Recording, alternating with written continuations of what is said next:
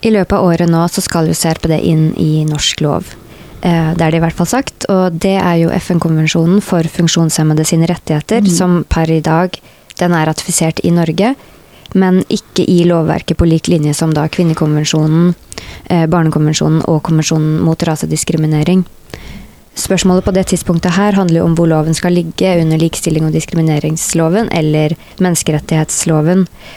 Først generelt, hva tenker du det betyr for samfunnet at man får CRPD inn i norsk lov? Nå er vi inne på et tema som det er stor debatt om på mitt fakultet.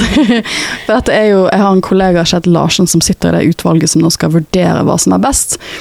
Men dette har vi kranglet om lenge, og Venstre har jo vært for at vi skal ta det inn i menneskerettsloven. Og for å prøve å forklare det enkelt hva forskjellen er, så er det slik at det jeg ville sagt på forelesning til folkerettsstudentene mine, er at Norge er et dualistisk system.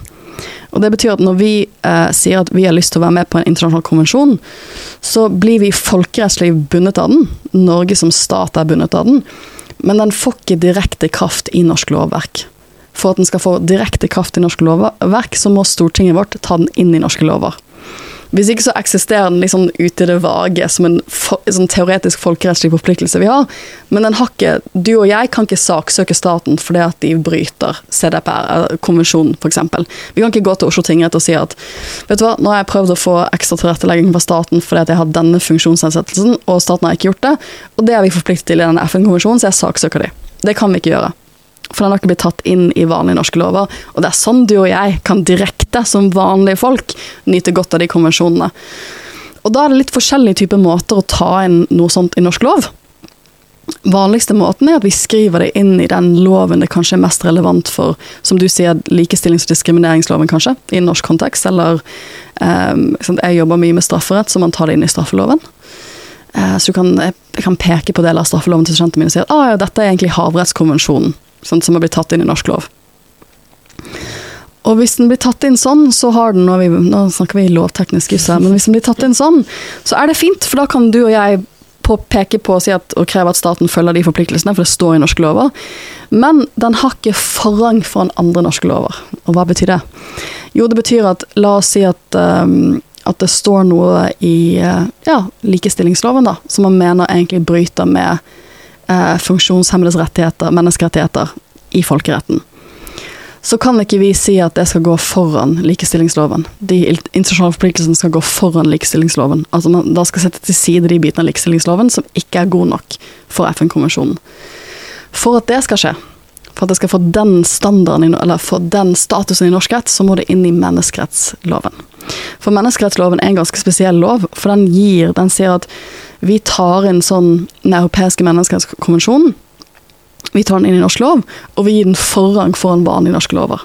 Og det betyr at i mitt fagfelt, da jeg forsker mye på straff, det betyr at hvis du kan vise at Den europeiske menneskerettskonvensjonen gir deg noen rettigheter i straffeprosesser som staten ikke gir deg i straffeloven, så går de menneskerettighetene foran straffeloven. Da må de settes til side.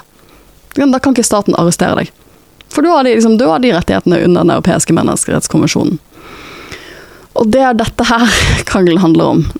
Skal du ta inn denne konvensjonen som går på funksjonsnedsettelse og menneskerettigheter, inn og gi den forrang foran norske lover. For tilhengere av dette mener at hvis du gjør det, så vil f.eks.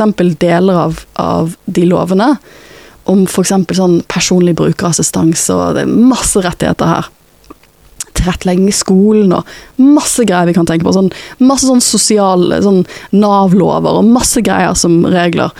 Da, liksom, hvis de reglene strider med de grunnleggende rettighetene i denne konvensjonen, så må de til side. Da, de, da, da skal de settes til side i favør av de rettighetene du har i denne menneskerettskonvensjonen. Eh, og mange mener at det vil gi et styrket vern at hvis du eh, har fått eh, brukerassistanse fra staten som er tre timer når du egentlig trenger fire-fem timer med, med, personlig hjelp om dagen for å kunne jobbe, da, f.eks., så skal du få de fem timene. Det er jo andre som mener at det ikke vil ha så mye å si. Men de som mener at det ikke vil ha så mye å si, vil ofte, nå, snakker jeg politisk, de vil jo ofte ikke ha det inn i menneskerettsloven. Sånn, hvis du ikke mener at det har noe å si, hvorfor er det så viktig at det ikke går inn i menneskerettsloven da? Det er jo fordi du tenker at det kommer til å ha noe å si jeg tror det kommer til å styrke rettighetene til funksjonshemmede hvis det kommer inn i menneskerettsloven.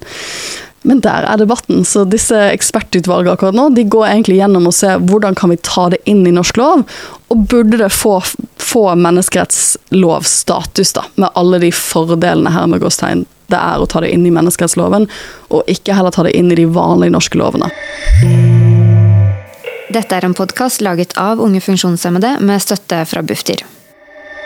Show.